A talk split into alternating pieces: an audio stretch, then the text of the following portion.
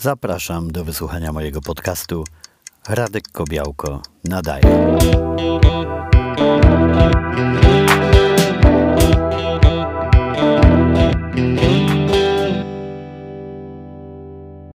Dlaczego zdecydowałem się nagrywać podcasty? No po pierwsze dlatego, że zawsze byłem gadułą. To już od małego. Po drugie dlatego, że zawsze chciałem pracować w radiu czy w radiu, jak kto woli. Z tym, że e, w odróżnieniu od paru podcasterów, ja w tym radiu rzeczywiście pracowałem. I było to tak dawno temu, że wstyd się przyznać. Już jako dzieciak nasłuchiwałem radia i wmawiałem wszystkim, że kiedyś będę po drugiej stronie tego pudełka. Kiedy udało mi się kupić z ogłoszenia zawieszonego gdzieś na przystanku autobusowym, tak, tak, nie było wtedy walla Facebooka, ogłoszeń szukało się wypisywanych na kartkach. Ogłoszenie o sprzedaży radia Amator, pierwszego radia, w którym można było słuchać trójki i co najlepsze listy przebojów trójki w stereo, czasem też e, płyt puszczanych w programie drugim Polskiego Radia też w stereo. I kiedy na tym podłączonym już amatorze, z drutem włożonym zamiast anteny, który gdzieś się piął po ścianie mojego mieszkania, żeby sygnał był jak najlepszy, słuchałem listy przebojów trójki Marka Niedźwieckiego, to co tydzień mówiłem moim rodzicom, wszystkim kolegom, ja będę kiedyś w tym radiu, gdzie Marek Niedźwiecki. Ale nawet wtedy nie przypuszczałbym, że parę lat później nie tylko będę w nim, ale będę prowadził z Markiem program. Nie zapomnę momentu, kiedy zaczęliśmy, Marek wyjął walizkę z płytami i pierwsza piosenka, jaką puścił podczas naszej wspólnej audycji, to była piosenka, jak to wtedy określił, bardzo obiecującej wokalistki z Kanady, o której na pewno jeszcze kiedyś usłyszymy. Celine Dion, Power of Love. To była pierwsza piosenka z naszej wspólnej audycji.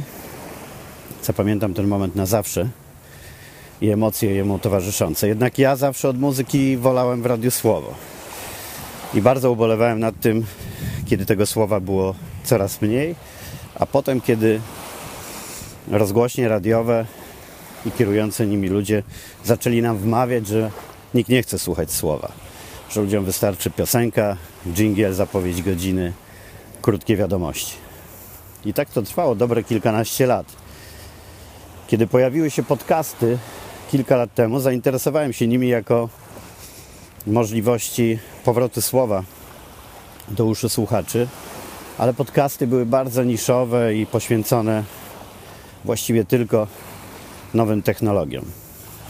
Ale od jakiegoś czasu na szczęście nastąpił renesans podcastów. Myślę, że to za sprawą y, audiobooków na przykład, tego, że ludzie nauczyli się spędzać ze słowem w uszach y, więcej czasu.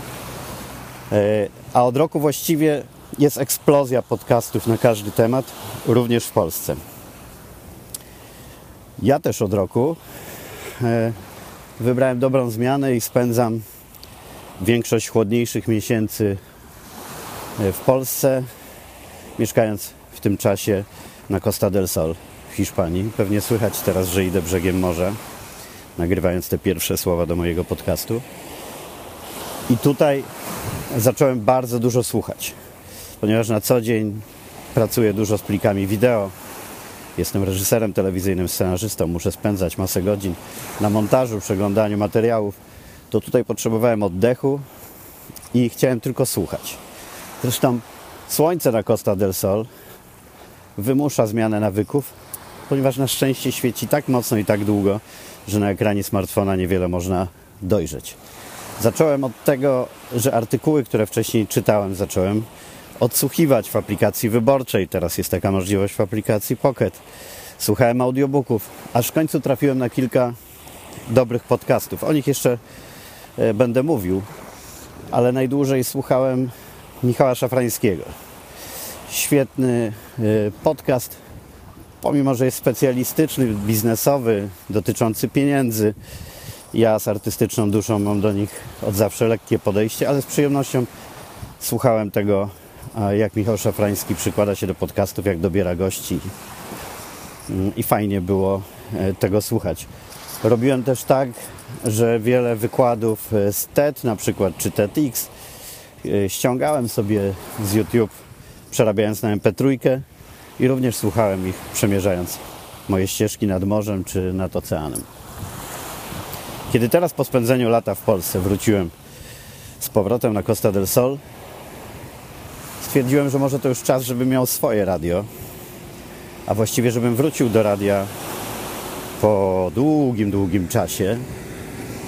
Ja do powrotu do tego mm, radia byłem namawiany kilka razy przez y, różne rozgłośnie, ale zawsze w tej propozycji było dla mnie za mało słowa i zawsze też były to propozycje za bardzo wiążące. Ja jestem freelancerem, teraz określam się jako digital nomad, tak jak wielu ludzi na świecie. Od zawsze mam obsesję na punkcie swojej wolności zawodowej i prywatnej i propozycje radiowe zawsze wiązały się ze stałym przebywaniem w studio w porze nagrania. Nikt nie chciał zdecydować się na nagrywanie online, więc w rozgłośniach radiowych, tak jak chociażby w TOK FM w programie Wojtka Krzyżaniaka gościłem, ale nie byłem gospodarzem. A teraz dotarło do mnie, że mogę być gospodarzem swojego programu, ba, nawet kilku programów, a nawet własnego radia. E, I to zamierzam robić bez żadnych założeń, czysto hobbystycznie, z pasji i z tęsknoty za radiem. Nie robię tego zastanawiając się, ilu będę miał słuchaczy i co dalej z tym będzie. Robię to trochę po to, żeby skatalogować swoje myśli. Robię to trochę dla moich dzieci. Jestem ojcem czteroletnich bliźniąt Nadi i Maxa. I pewnie kiedyś chętnie posłuchają taty, nie tylko czytającego bajki. A co się wydarzy, to zobaczymy. Mam, na pewno wiem o czym będę chciał opowiadać. Zastanawiam się jeszcze, czy podzielę to na dwa, trzy podcasty, czy też w jednym podcaście będą się pojawiały różne tematy, bo opowiadać będę chciał Wam o mojej idei no office.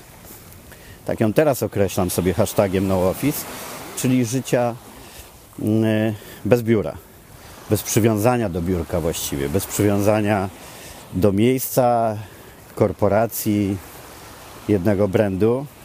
Ja od zawsze byłem freelancerem. Zanim wymyślono pracę zdalną, online, zanim zaczęły się pojawiać określenia digital nomad, to ja już kilkanaście lat temu e, zmuszałem wszystkich do pracy zdalnie, zmuszałem instytucje, media, które były bardzo tradycyjne do takiego przyzwyczajenia. Wystarczy powiedzieć, że gdy w 2005 roku e, produkowałem Sylwestra dla telewizyjnej jedynki, to wtedy jeszcze była fajna jedynka, to kolaudacji tak zwanej, czyli oglądania pierwszej wersji montażowej i nanoszenia poprawek, dokonywałem siedząc na szczycie Szrenicy pod schroniskiem w Szklarskiej Porębie na iBooku, wtedy to był taki biały iBook G4. Miałem plik ściągnięty z serwera FTP. Online wtedy nie było takiej możliwości, jeszcze nie było YouTube, nie było Vimeo, nie było wielu innych aplikacji oglądałem Sylwestra z timecodem, czyli czasem nagrania. E, naniosłem poprawki i w ten sposób odpowiedziałem telewizji, wysyłając listę moich uwag. To był wtedy szok na Woronicza. E, kolaudacja do dzisiaj wygląda tak, że musi kilka osób usiąść w pokoju, musi być wśród nich przynajmniej jeden dyrektor i jeden redaktor, jeżeli chodzi o poważny projekt i wszyscy udając, że oglądają, kolaudują projekt.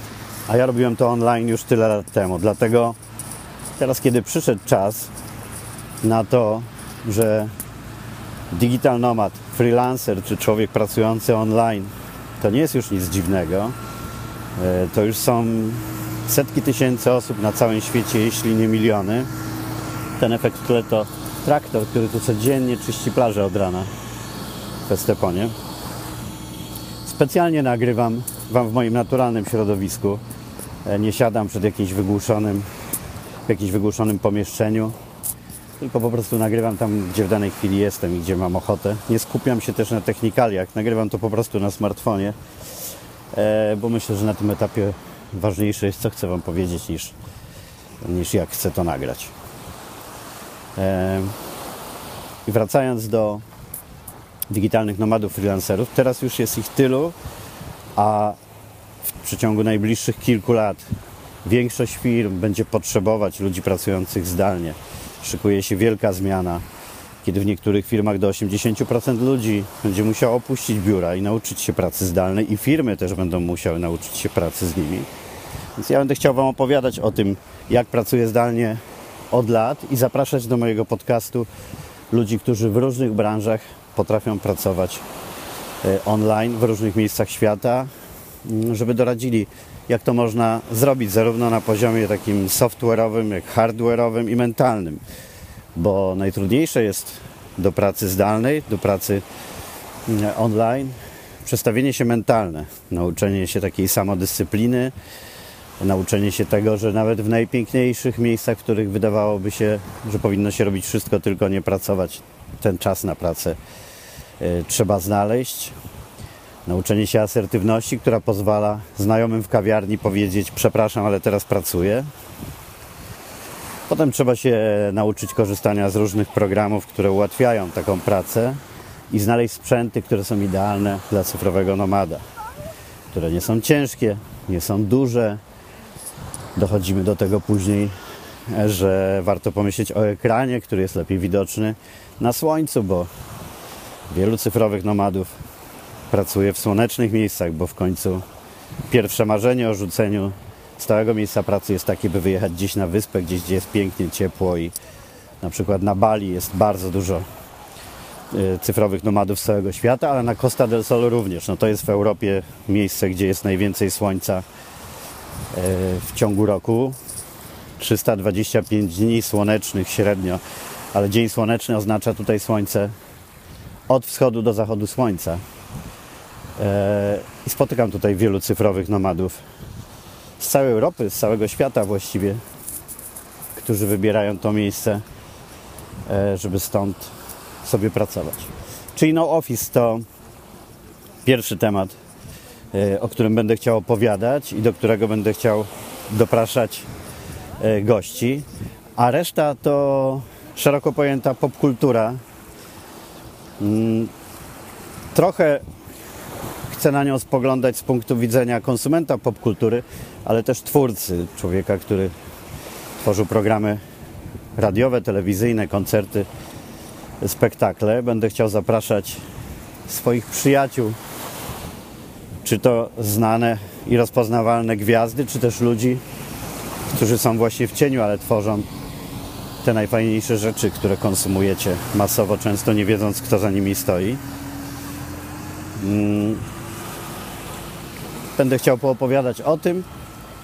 Będę chciał porozmawiać o popkulturze z moimi gośćmi, zahaczając też o sprawy społeczne, starając się omijać politykę. To nie zawsze będzie możliwe, ale Teraz w Polsce chyba ciężko jest omijać politykę.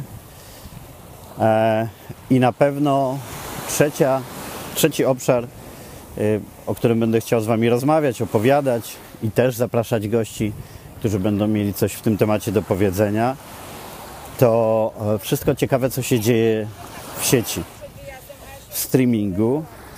E, chodzi o filmy, seriale, muzykę, podcasty, audiobooki, e, wszystko co jest streamowane. Wy nie zdajecie sobie sprawy, niektórzy na co dzień, jak dużo konsumujecie w streamingu, że właściwie większość treści, które pochłaniacie w internecie jest mm, streamowane. I o takich treściach, takich, które są dostępne wyłącznie w streamingu, będę chciał e, dużo opowiadać, buszując w sieci i poszukując dla Was fajnych rekomendacji, czego warto E, posłuchać, co warto obejrzeć, e, co warto przeczytać lub jakie aplikacje warto też wyłowić w sieci. Zobaczymy, na ile starczy mi zapału, ile mi to będzie sprawiać, jak długo będzie mi to sprawiać radość. Myślę, że tak, bo radio kochałem i z własnym radiem powinno być podobnie, bo na podcast patrzę jako na własne radio bez żadnych ograniczeń czasowych, bez żadnych e, ograniczających mnie e, kierujących radiem, bez ograniczeń ze strony sponsorów. Słowem, pełna wolność. Myślę, że nie doceniamy na co dzień e, nowych technologii, bo gdyby ktoś w czasach, kiedy pracowaliśmy w radiu, powiedział nam, że mamy nieograniczony czas, że możemy robić co chcemy, możemy mieć ile chcemy kanałów, to dla nas by to była po prostu jakaś kompletna eksplozja kreatywności. Pamiętam, kiedy walczyłem o koncesję dla Radia Olewopolu, jednej z pierwszych pirackich rozgłośni. Wiecie, co to były pirackie rozgłośnie? Pirackie rozgłośnie to były rozgłośnie, które na początku lat 90. zaczęły działać spontanicznie na wolnych falach radiowych, mm, bez potrzebnych koncesji. Tak, tak. Kiedyś na wszystko była potrzebna koncesja. E, my zaczęliśmy z Radiem Olewopolu działać bez y, koncesji i kiedy takie już były możliwe, walczyliśmy długo o koncesję i o pasmo, żeby dostać pasmo radiowe. Tych pasm było bardzo niewiele. Do dzisiaj jest zresztą bardzo niewiele akurat, akurat pasm radiowych. A teraz mamy internet, w którym jest nieograniczona ilość miejsca. Nieograniczona ilość pasm, nazwijmy to. Można mieć stacje radiowe, można mieć podcasty, można mieć wszystko. Liczy się tylko treść, którą czasem warto robić nawet dla kilkudziesięciu osób. To nie muszą być tysiące, setki tysięcy e, czy miliony. Ja od dawna uważam, że w mediach ważniejsza jest jakość, a nie ilość. Ważniejsze jest, czy docieramy do osób, dla których dany temat jest naprawdę interesujący. I mam nadzieję, że takie osoby znajdę i takie osoby będą słuchać e, tego, co będę nagrywać. No dobrze, moi drodzy, patrzę na Gibraltar. Dotarłem do punktu na plaży, w którym skręcam i idę do mojej ulubionej francuskiej piekarni po bagietki. Czeka mnie powrotna droga do domu, 5 km plażą. Jak o czymś sobie przypomnę, to jeszcze coś nagram. A jeśli nie, to zobaczymy. Może właśnie nagrałem początek podcastu i mojej drugiej, długiej podcastowej drogi. Miłego dnia Wam życzę. Do usłyszenia.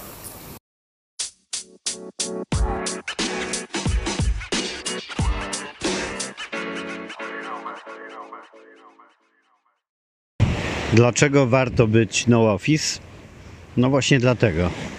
Dlatego na przykład co słychać w tle.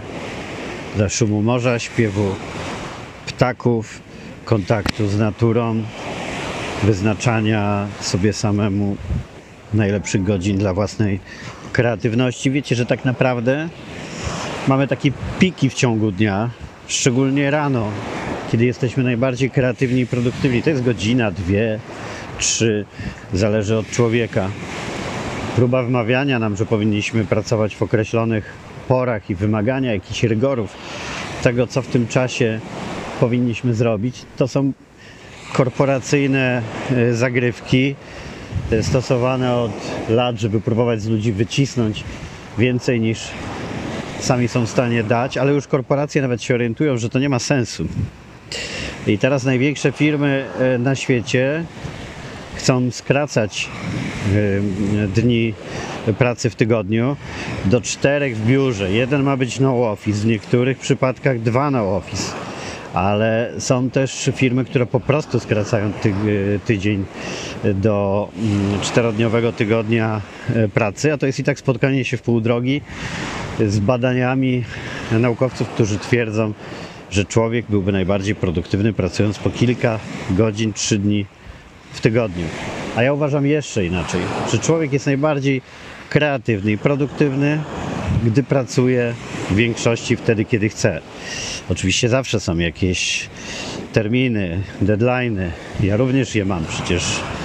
Muszę zrobić określony program, oddać go przed czasem emisji. Bardzo często e, robię programy live, to tu już w ogóle nie ma ruchu. No, trzeba po prostu zdążyć i, i na końcu opanować całe, całe widowisko e, live, ale nie muszę siedzieć po kilka czy kilkanaście godzin codziennie w biurze, redakcji, czymkolwiek i e, próbować udowadniać, że cały czas pracuję nad projektem. Pracuję nad nim wtedy, kiedy czuję, że mam akurat e, kreatywny moment, siły e, i ochotę. Po długim czasie takiego życia dopiero zaczynacie zauważać, kiedy są wasze najlepsze pory, momenty, aura i jakie są miejsca, w których najlepiej wam się myśli, pracuje e, i dopiero wtedy zaczynacie tego odpowiednio używać. Ja wiem, że taki pik mam zaraz po przebudzeniu się, zwłaszcza od czasu, e, kiedy mam moje kochane bliźnięta, to wiem, że jeżeli nie wstanę szybko, nie wyjdę, póki one jeszcze śpią, e, nie pójdę e, brzegiem morza, kiedy mam jeszcze czysty umysł, to później każda e, chwila, każda czynność poranna działają już na moją niekorzyść, więc ja ograniczam je do minimum. Właściwie wypijam tylko całą wyciśniętą cytrynę z wodą i ruszam przed siebie. W podsumowaniu dnia okazuje się, że zarówno pod względem fizycznym, ja sobie wtedy trochę ćwiczę, to takie śmieszne moje, ja to nazywam yoga, tai chi coś tam, e, więc ćwiczę sobie te, te swoje coś tam i myślę i w podsumowaniu dnia okazuje się, że to jest najlepszy czas, zdecydowanie. Potem jeszcze wieczorem, kiedy leżę na swoim tarasie, gdy dzieci już zasną, wsłuchuję się w szum morza, już pewnie dało się zauważyć moją obsesję na punkcie morza, patrzę w rozgwieżdżone niebo, to mam jeszcze takie siły na fajne podsumowanie, wyczyszczenie myśli, zastanowienie się, co e, chciałbym e, zrobić jutro, które z pomysłów, jakie przychodziły mi do głowy, odrzucić i gdzie chciałbym popracować jutro, jeżeli wiem, że mam coś konkretnego do zrobienia, jakąś dłuższą część scenariusza do napisania, czy kilka połączeń telekonferencyjnych lub wideokonferencyjnych, które muszę e, zrealizować. Myślę sobie już wieczorem, w jakich miejscach chciałbym to zrobić. Wyobrażacie to sobie? Ten kierunek myślenia. Nie oczywistość, no, że jutro jestem w biurze, muszę zrobić to, to i tamto. Tylko myślę tak, połączenie telekonferencyjne zrobię sobie w drodze spacerem brzegiem morza, jak będę szedł po bagietki do piekarni. W drodze powrotnej usiądę w mojej kafejce Olivieri, gdzie zdarza mi się jeść śniadanie i tam zrobię połączenie wideokonferencyjne z trzema krajami, z moimi współpracownikami, bo jest dobra sieć, jest cicho, osłonięte od wiatru i tam będziemy się dobrze słyszeć e, i widzieć. A potem w drodze powrotnej e, ułożę sobie punkty e, do scenariusza, który napiszę już na moim tarasie w porze, kiedy jest cień. Tam pracuje mi się najlepiej. Zupełnie zmienia się postrzeganie świata, kiedy jesteś no office. Dostosowujesz codzienne czynności do e, pór swojej kreatywności i produktywności, a nie odwrotnie. Nie musisz się napinać, że właśnie teraz musisz to wszystko, to wszystko zrobić. Bywa też, że trafi się taki świetny poranek, e, że zrobi się rzeczy nadplanowo, nadprogramowo i wtedy sobie mówisz, dobra, jutro wychilluję i w ogóle pójdę przed siebie słuchając muzyki. Najczęściej okazuje się, że to właśnie wtedy, kiedy się odpuszcza, przychodzą najlepsze e, pomysły do głowy. Ale oczywiście, żeby nie było tak kolorowo, trzeba znaleźć sobie też rygor, bo jeżeli są te rzeczy terminowe, które trzeba wykonać. A masz piękną pogodę. Znajomi namawiają cię na jacht, na spacer, na wyprawę e, w, w góry. E, obok sąsiedzi urządzają grilla, a ty jednak musisz potrafić powiedzieć nie, teraz jest właśnie ten czas, który muszę wykorzystać na to, co mam zrobić. Ważne, żeby wiedzieć, że suma summarum i tak ten styl życia e, daje e, więcej e, dobrego niż obciążeń. Jak we wszystkim w życiu chodzi o balans i Snow Office też tak jest. Oczywiście trzeba dużo pracy włożyć w to, żeby nauczyć całe otoczenie wokół siebie albo współpracy z waszym trybem no office, albo zrozumienia, że tak pracujecie. To jest najcięższe, bo kiedy teraz idę i nagrywam ten podcast, to jest y, wielka przyjemność dla mnie, część mojej pasji, ale jest to też element y, mojej pracy. Dzielenie się moją wiedzą, doświadczeniem, rozmawianie z ludźmi, od których ja chcę się czegoś dowiedzieć i nauczyć, jest też elementem mojej pracy, mojego wizerunku e, w mediach. I teraz gdyby ktoś mi się przyjrzał, facet chodzi codziennie wzdłuż morza i coś pitoli sobie e, do telefonu. Trzeba umieć przyzwyczaić ludzi, na wytłumaczyć ludziom, e, że to jest też wasza praca. żeby nie przeszkadzali Wam, żeby nie lekceważyli tego, co robicie.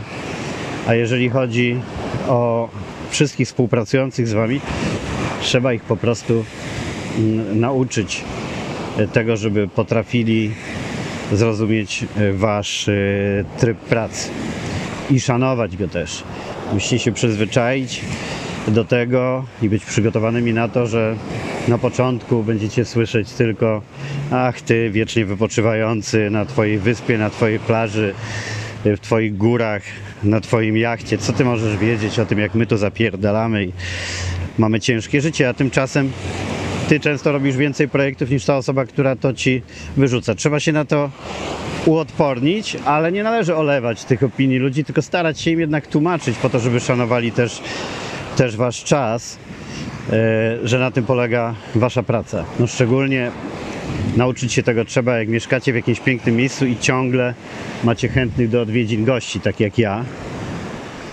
Przez ostatnie 8 miesięcy, może z dwa tygodnie byliśmy sami, a tak ciągle e, ktoś przyjeżdżał w nasze okolice i trzeba również potrafić e, tym gościom, przyjaciołom, znajomym wytłumaczyć, słuchajcie, muszę pójść teraz na parę godzin, przejść się, popracować, usiąść, coś napisać.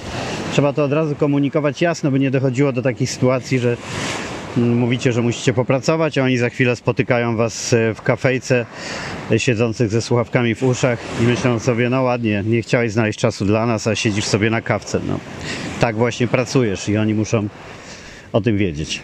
No dobrze, to wystarczy już e, tego rozgadania. Się ostrzegałem kilka razy, że jestem e, gadułą, ale te nagrywki takie w czasie moich nadmorskich spacerów zawsze będą w takim trybie live to tape. Ja tego nie edytuję, nie montuję, nie mam też ułożonego wcześniej planu tego, co chcę Wam przekazać, bo przekazywanie spontanicznie takich yy, myśli, wspomnień, czy rad, które przychodzą do głowy, jak idę brzegiem morza, najlepiej oddaje też y, y, klimat świata, y, do którego Was zachęcam. Tego, tego świata na office, który powoduje, że w każdej chwili i w każdym miejscu możecie zrobić to, na co macie ochotę lub to, co powinniście w sensie zawodowym. A ja teraz właśnie miałem ochotę podzielić się na bieżąco swoimi przemyśleniami o No Office i to, i to zrobiłem. Życzę Wam miłego dnia i popróbujcie trochę zrywać te więzy e, biurowe i zastanawiać się, co moglibyście zrobić, żeby jeśli nie od razu przejść całkowicie na No Office, to dogadywać się z, z Waszym szefem, pracodawcą, współpracownikiem, wspólnikiem, że jednak są dni i są godziny, w których niekoniecznie musielibyście być w biurze. Dobrą radą, taką jest, którą ja stosuję, kiedy e, z ludźmi, którzy są analogowi w sensie spotkań, że wszystko chcą omawiać podczas spotkania. Ja zawsze zadaję pytanie: OK, przyjadę, przylecę, nawet jak jestem daleko, ale ostrzegam Cię, że nastąpi moment, kiedy zapytam się Ciebie, co takiego zrobiliśmy, czego nie mogliśmy zrobić w czasie telekonferencji, wideokonferencji i tak dalej. Bądź na to przygotowany, przygotowana, e, bo na pewno będę chciał takiego wyjaśnienia i najczęściej nie dochodzi do takiego spotkania, a w przypadku współpracy z komercyjnymi partnerami, na przykład z agencjami reklamowymi, kiedy reżyserowałem reklamy, z innymi firmami, które lubią nadużywać spotkań, lanczyków, branczyków, y, śniadań, y, spotkań wieczorem na drinka, miliona pretekstów, by wyrwali się ze swoich agencji i porozmawiali z Wami o projekcie, to stosuję bardzo prostą metodę, y, że chcę stawki określonej za, za spotkanie w realu. Ona jest zależna od projektu, ale nigdy nie jest mała. I nagle okazuje się, że tych spotkań wcale tak dużo nie trzeba. Nagle okazuje się, że można e, omówić wszystko online, można do siebie napisać, e, można porozmawiać, można się nagrać. Ach, bo to jeszcze ważne. E, ja uwielbiam od wielu lat nagrania. Kiedyś nagrywałem się na dyktafonie i e, dawałem to jako załącznik w MMS-ie do, do mm, SMS-a, czy, czy też jako załącznik w mailu od czasu, kiedy są nagrania głosowe w Messengerze i na Whatsappie. To jest 90% mojej komunikacji. Nauczyłem tego bardzo wielu ludzi i to jest najlepszy sposób na komunikację, dlatego że w czasie rozmowy telefonicznej tracicie czas na small talk. Jest też wiele momentów, kiedy nie dajecie drugiej stronie, chcąc czy nie chcąc, czasu na mm, refleksję na zastanowienie się spokojne i stawiacie kogoś niechcący pod ścianą lub ktoś was.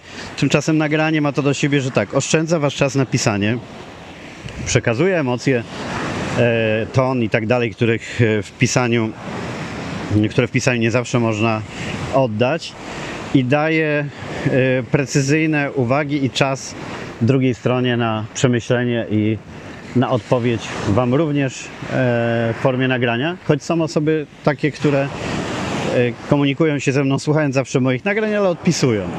To też jest możliwe. Nie wszyscy lubią się nagrywać, ale przyzwyczajanie innych do tego, żeby słuchali Waszych nagrań jest bardzo ok. Zobaczycie, jak to ułatwia komunikację. Mój telefon od wielu lat przez większość dnia naprawdę milczy. A kiedyś wisiałem non-stop na telefonie. On mi zabierał straszną ilość czasu.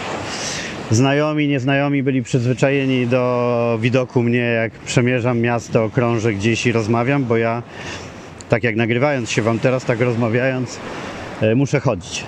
Czasami dostawałem z aplikacji śledzącej mój ruch informację, że nie wychodząc z domu przeszedłem 14 km rozmawiając. Nagrywanie się zmieniło moje życie. Nie trzeba tracić czasu na te wstępy w rozmowach telefonicznych, co słychać, jak się masz i tak dalej. E, nie trzeba tracić czasu na zastanawianie się drugiej strony, na jakieś tam przerwy typu poczekaj, bo ktoś do mnie dzwoni na drugim telefonie, ulubiona e, moje hasło, albo na drugiej linii, albo przyszedł kurier, albo to, albo tamto. Jeżeli macie dużo rozmów, to to się zlicza w dziesiątkach godzin traconych miesięcznie. A przecież w życiu chodzi o to, żebyśmy czasu mieli jak najwięcej i pożytkowali go jak najmilej. Tak jak ja teraz i teraz już na pewno muszę kończyć, bo dochodzę do moich rybaków, z którymi się zakumplowałem i którzy obiecali mi dzisiaj ośmiornicę. Stepona słynie z ośmiornic. E, jest tu ich bardzo dużo i są przyrządzane na różne sposoby. Najpopularniejsza jest ośmiornica galicyjska w takich plastrach na, e, na, na ziemniakach. Ja ją lubię na wszelkie sposoby. Na zimno, w sałatce, można by dużo opowiadać, ale przecież nie jest to podcast kulinarny. W sumie mówię Wam to chyba po to, żebyście zrozumieli różnicę pomiędzy wychodzeniem z biura na lunch, e, a tym, że ja spacerując do rybaków wykonałem część swojej pracy, ulubionej pracy, czyli nagrywania tego e, podcastu i będę mógł odebrać swoją ośmiornicę. Wracając, zrobić również kilka pożytecznych rzeczy, a na końcu zjeść obiadek na swoim tarasie. I to wszystko jest możliwe, kiedy pracujecie w trybie no office. Miłego dnia Wam życzę, do usłyszenia.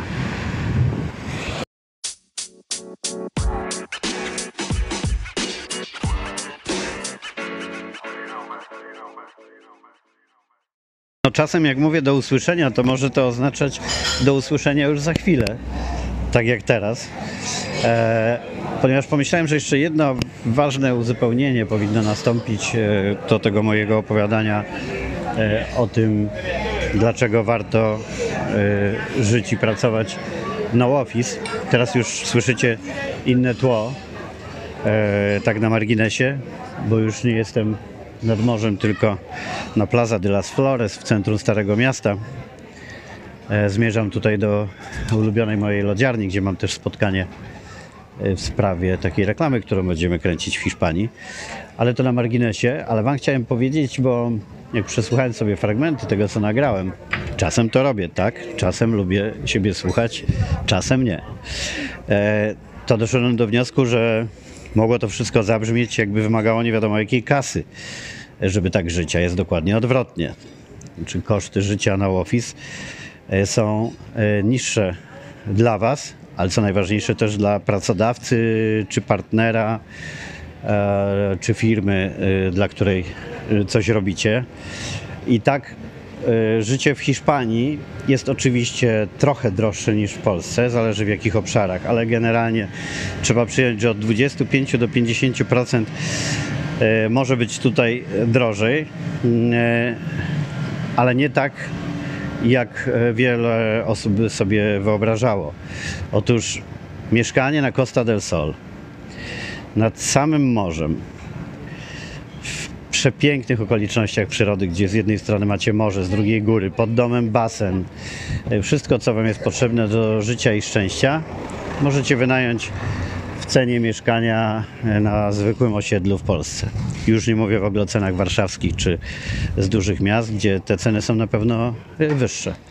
Naprawdę można tutaj mm, poza sezonem wynająć fajne mieszkanie za 500-600 euro miesięcznie. E, ale to mówię o fajnych mieszkaniach, fajnych lokalizacjach. Wyżej w górach można wynająć i za 200 euro, i za 300 euro. Mm, e, Ale te w fajnych lokalizacjach oczywiście poza sezonem, czyli od 1 października do końca maja. Czerwiec, lipiec, sierpień, wrzesień to są miesiące sezonu i wtedy te ceny są wyższe i jak mieszkanie chcecie wynajmować na cały rok, to wtedy e, te ceny będą trochę wyższe. Ale generalnie tak jakby ktoś sobie wyobrażał, bo to są opowieści takich jak ja mówię, morze, jachty, góry, to tamto, to każdy myśli w kategoriach wakacji, przelicza pieniądze wydane na tydzień wakacyjny razy ileś tygodni, które miałoby się tu spędzić. A to tak nie jest. Można tu żyć naprawdę w cenach takich jak w Polsce, tutaj i w wielu innych miejscach, a już nie mówię o Azji, gdzie ludzie wyjeżdżają i po prostu żyją o wiele taniej niż w Polsce, więc to jest następna zaleta no office, że to wy wybieracie miejsce, w którym chcecie być, chcecie żyć e, i bardzo często mm, to będą miejsca bardzo korzystne dla Was e, finansowo. Taki przykład Wam dam. Głośne są i bolesne dla wielu strajki Ryanaira e, ostatnie. Powiem Wam o co w nich chodzi. W nich chodzi o to, że załogi protestują przeciwko temu, że zbyt długo muszą czekać na mm, e, dostanie się do bazy w Polsce właśnie na przykład, ku Waszemu zaskoczeniu. A dlaczego? No bo chodzi tym załogom po prostu o to, żeby zarabiać w euro, e, a wydawać w złotówkach tak? czyli zarabiają po stawkach stałych w Ryanerze, a żyją w Polsce, gdzie życie jest o wiele tańsze. No i w gruncie rzeczy o to samo chodzi w, w tej jednej z podstawowych zalet no office. Wybieracie sobie kraj, dla którego pracujecie, po stawkach, w jakich pracujecie, w walucie, w jakiej pracujecie, a szukacie kraju, w którym będzie Wam się dobrze żyło, fajnie żyło i może się uda jeszcze tak, że w tym kraju będzie taniej niż w Polsce. To dlatego, czy taniej niż e, w innym kraju, z którego pochodzą Wasze zarobki. To dlatego tak e, wielu freelancerów, digital nomads e, jest w Azji. Oczywiście nie tylko dlatego, że tam są piękne wyspy, fajny klimat i tak dalej, tylko chodzi też o koszty życia. Nagle okazuje się, że ktoś w Warszawie wynajmuje swoje mieszkanie i za czynsz z tego najmu może wynająć coś w Azji i jeszcze mieć na życie. Tak? A jeżeli chodzi o zarobki, no to już w ogóle za pieniądze, za które tutaj mógł przeżyć mm, jakoś od pierwszego do pierwszego, e, tam żyje na bardzo wysokiej stopie. Więc pamiętajcie o tym, mm, nie zrażajcie się e, wizją kosztów przeniesienia gdzieś, tylko dobrze analizujcie miejsca, do których się wybieracie i znajdujcie takie, w których siła nabywcza e, waszych zarobków, pieniędzy zarobionych przez was będzie nie mniejsza niż e, w kraju, w którym zarabiacie, a najlepiej jakby była większa oczywiście, e, czego wam życzę, chociaż pamiętajcie też, że nie należy się zniechęcać, jeżeli okaże się, że tak jak tutaj na Costa del Sol trzeba jednak te 25-30 czasem do 50% dołożyć w stosunku do kosztów życia w Polsce. No, bo za to z kolei macie te 325 słonecznych dni w roku. E, Za to nie musicie zmieniać opon na zimowe, mieć zimowych kurtek, nie musicie się chować przez większość e, dnia w domu, rzadziej jesteście przeziębieni i tak dalej, i tak dalej. Więc przed każdą taką decyzją trzeba sobie po prostu zrobić e, listę e, zysków i strat i przemyśleć to na spokojnie, ale co do zasady No Office naprawdę zmieni jakość waszego życia na lepsze. Do usłyszenia.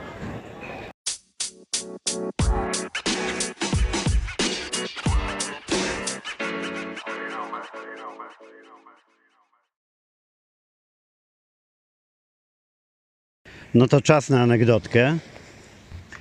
Ja ją opowiem Wam zaskoczenie, spacerując brzegiem morza.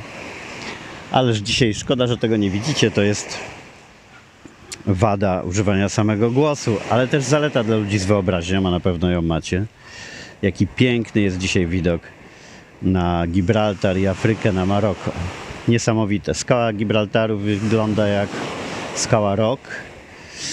Wygląda jak na wyciągnięcie ręki i Afryka ciągnie się na lewo od niej. Wrzucę gdzieś zdjęcie na moją stronę, żebyście mogli to zobaczyć. Ale ja nie o tym. Miała być anegdotka.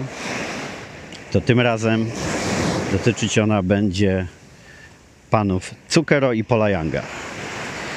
Kiedy byłem e, producentem kreatywnym programu Bar e, dla telewizji Polsat, zrobiliśmy sześć edycji tego programu we Wrocławiu.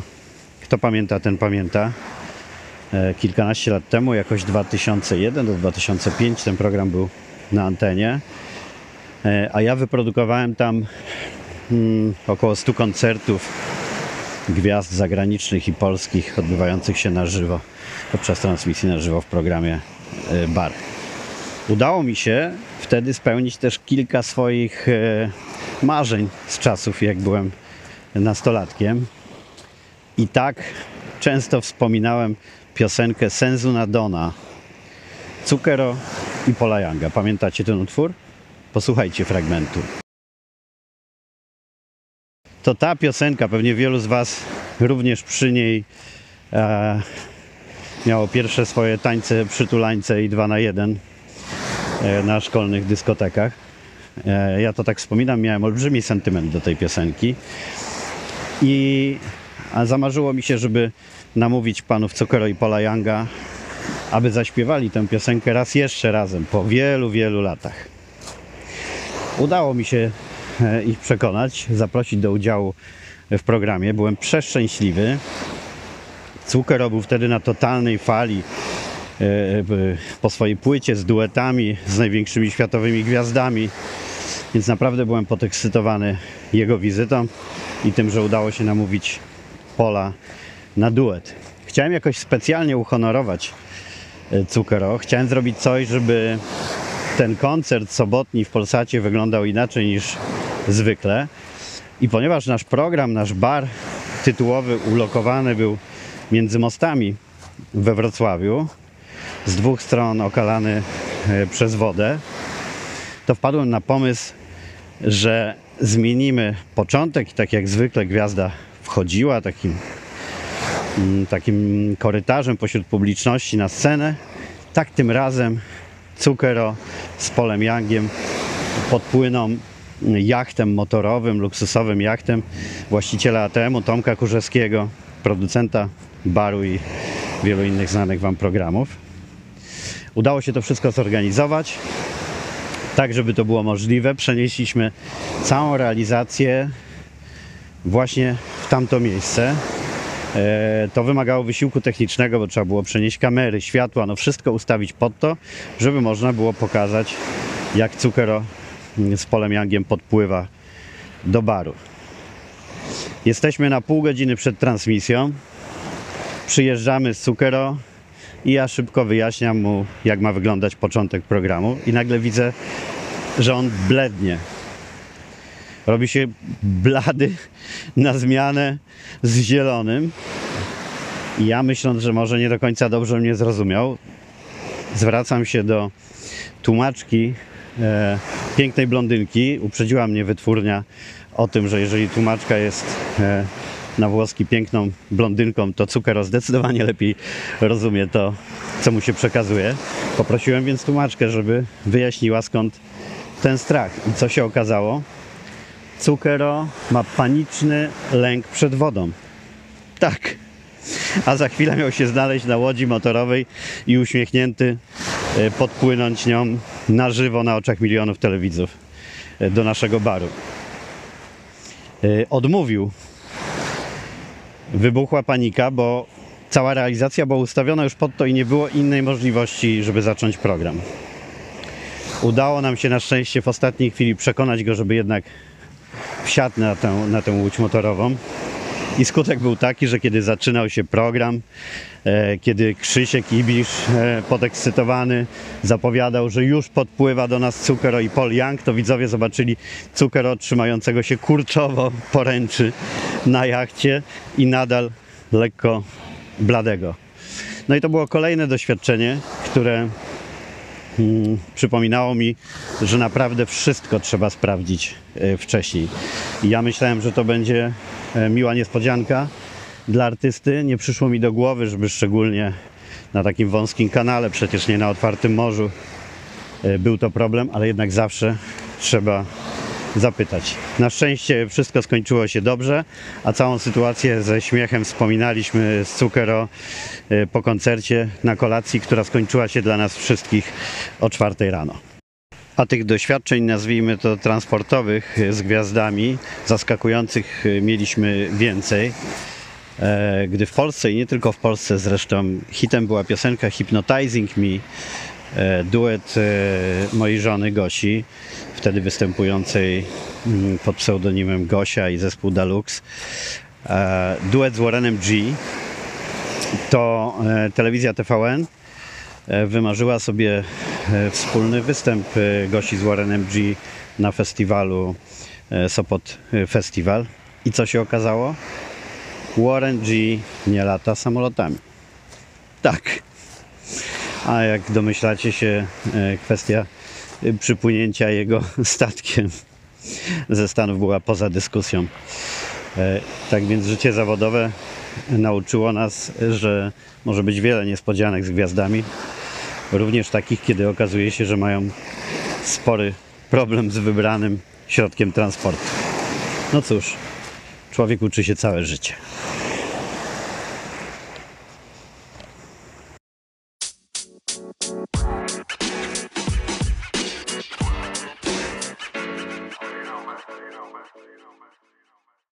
Jeszcze raz się usłyszymy, tym razem jestem znowu e, już nad morzem, wracam brzegiem morza do domu, ale jeszcze jedno przemyślenie a propos waszej potencjalnej relokacji, jak to mówią e, korpolutki, czyli przeniesienia się w inne miejsce niż do tej pory.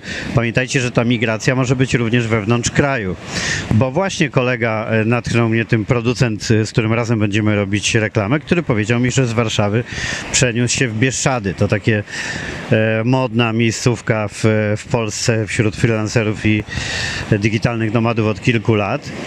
E, I on mi mówił o swoich kosztach i okazuje się, że tam y, żyje za 30% y, kosztów warszawskich, jeżeli chodzi o koszty bieżące życia.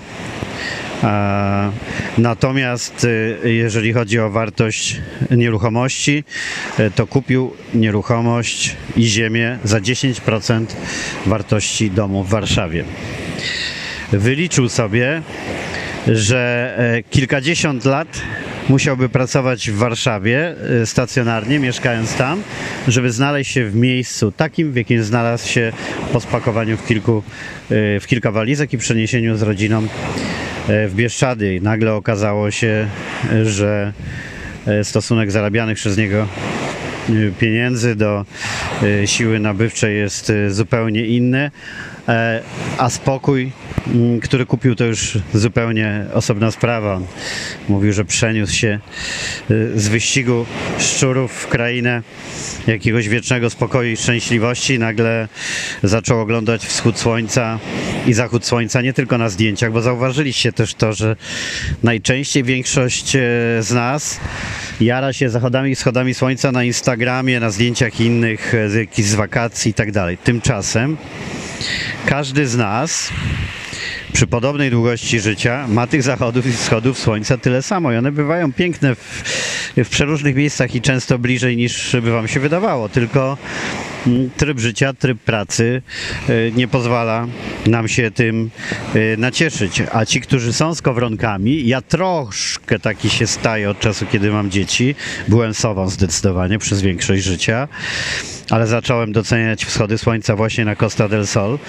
Ci, którzy są skowronkami i tak wcześnie y, wstają, mówią, że naprawdę pik tej najwyższej kreatywności, produktywności, poczucia szczęścia, siły i optymizmu jest właśnie już od wschodu słońca, bo jeszcze dodatkowo ta cisza, poczucie tego, że patrzycie na jakiś piękny e, moment dnia i tego, że jest on wyjątkowy dla Was, bo wokół nie widać zbyt wiele osób.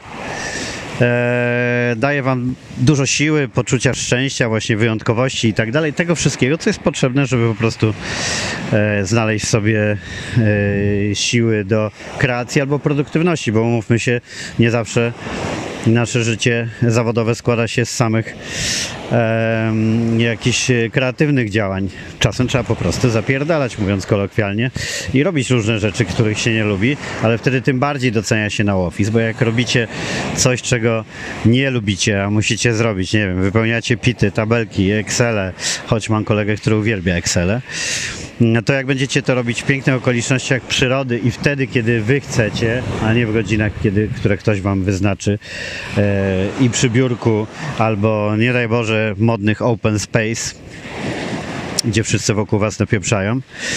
Więc gdy wy wybierzecie to miejsce i czas, to nawet te czynności e, przykre i mało rajcujące stają się fajne. No to dobra, to znowu mówię do usłyszenia.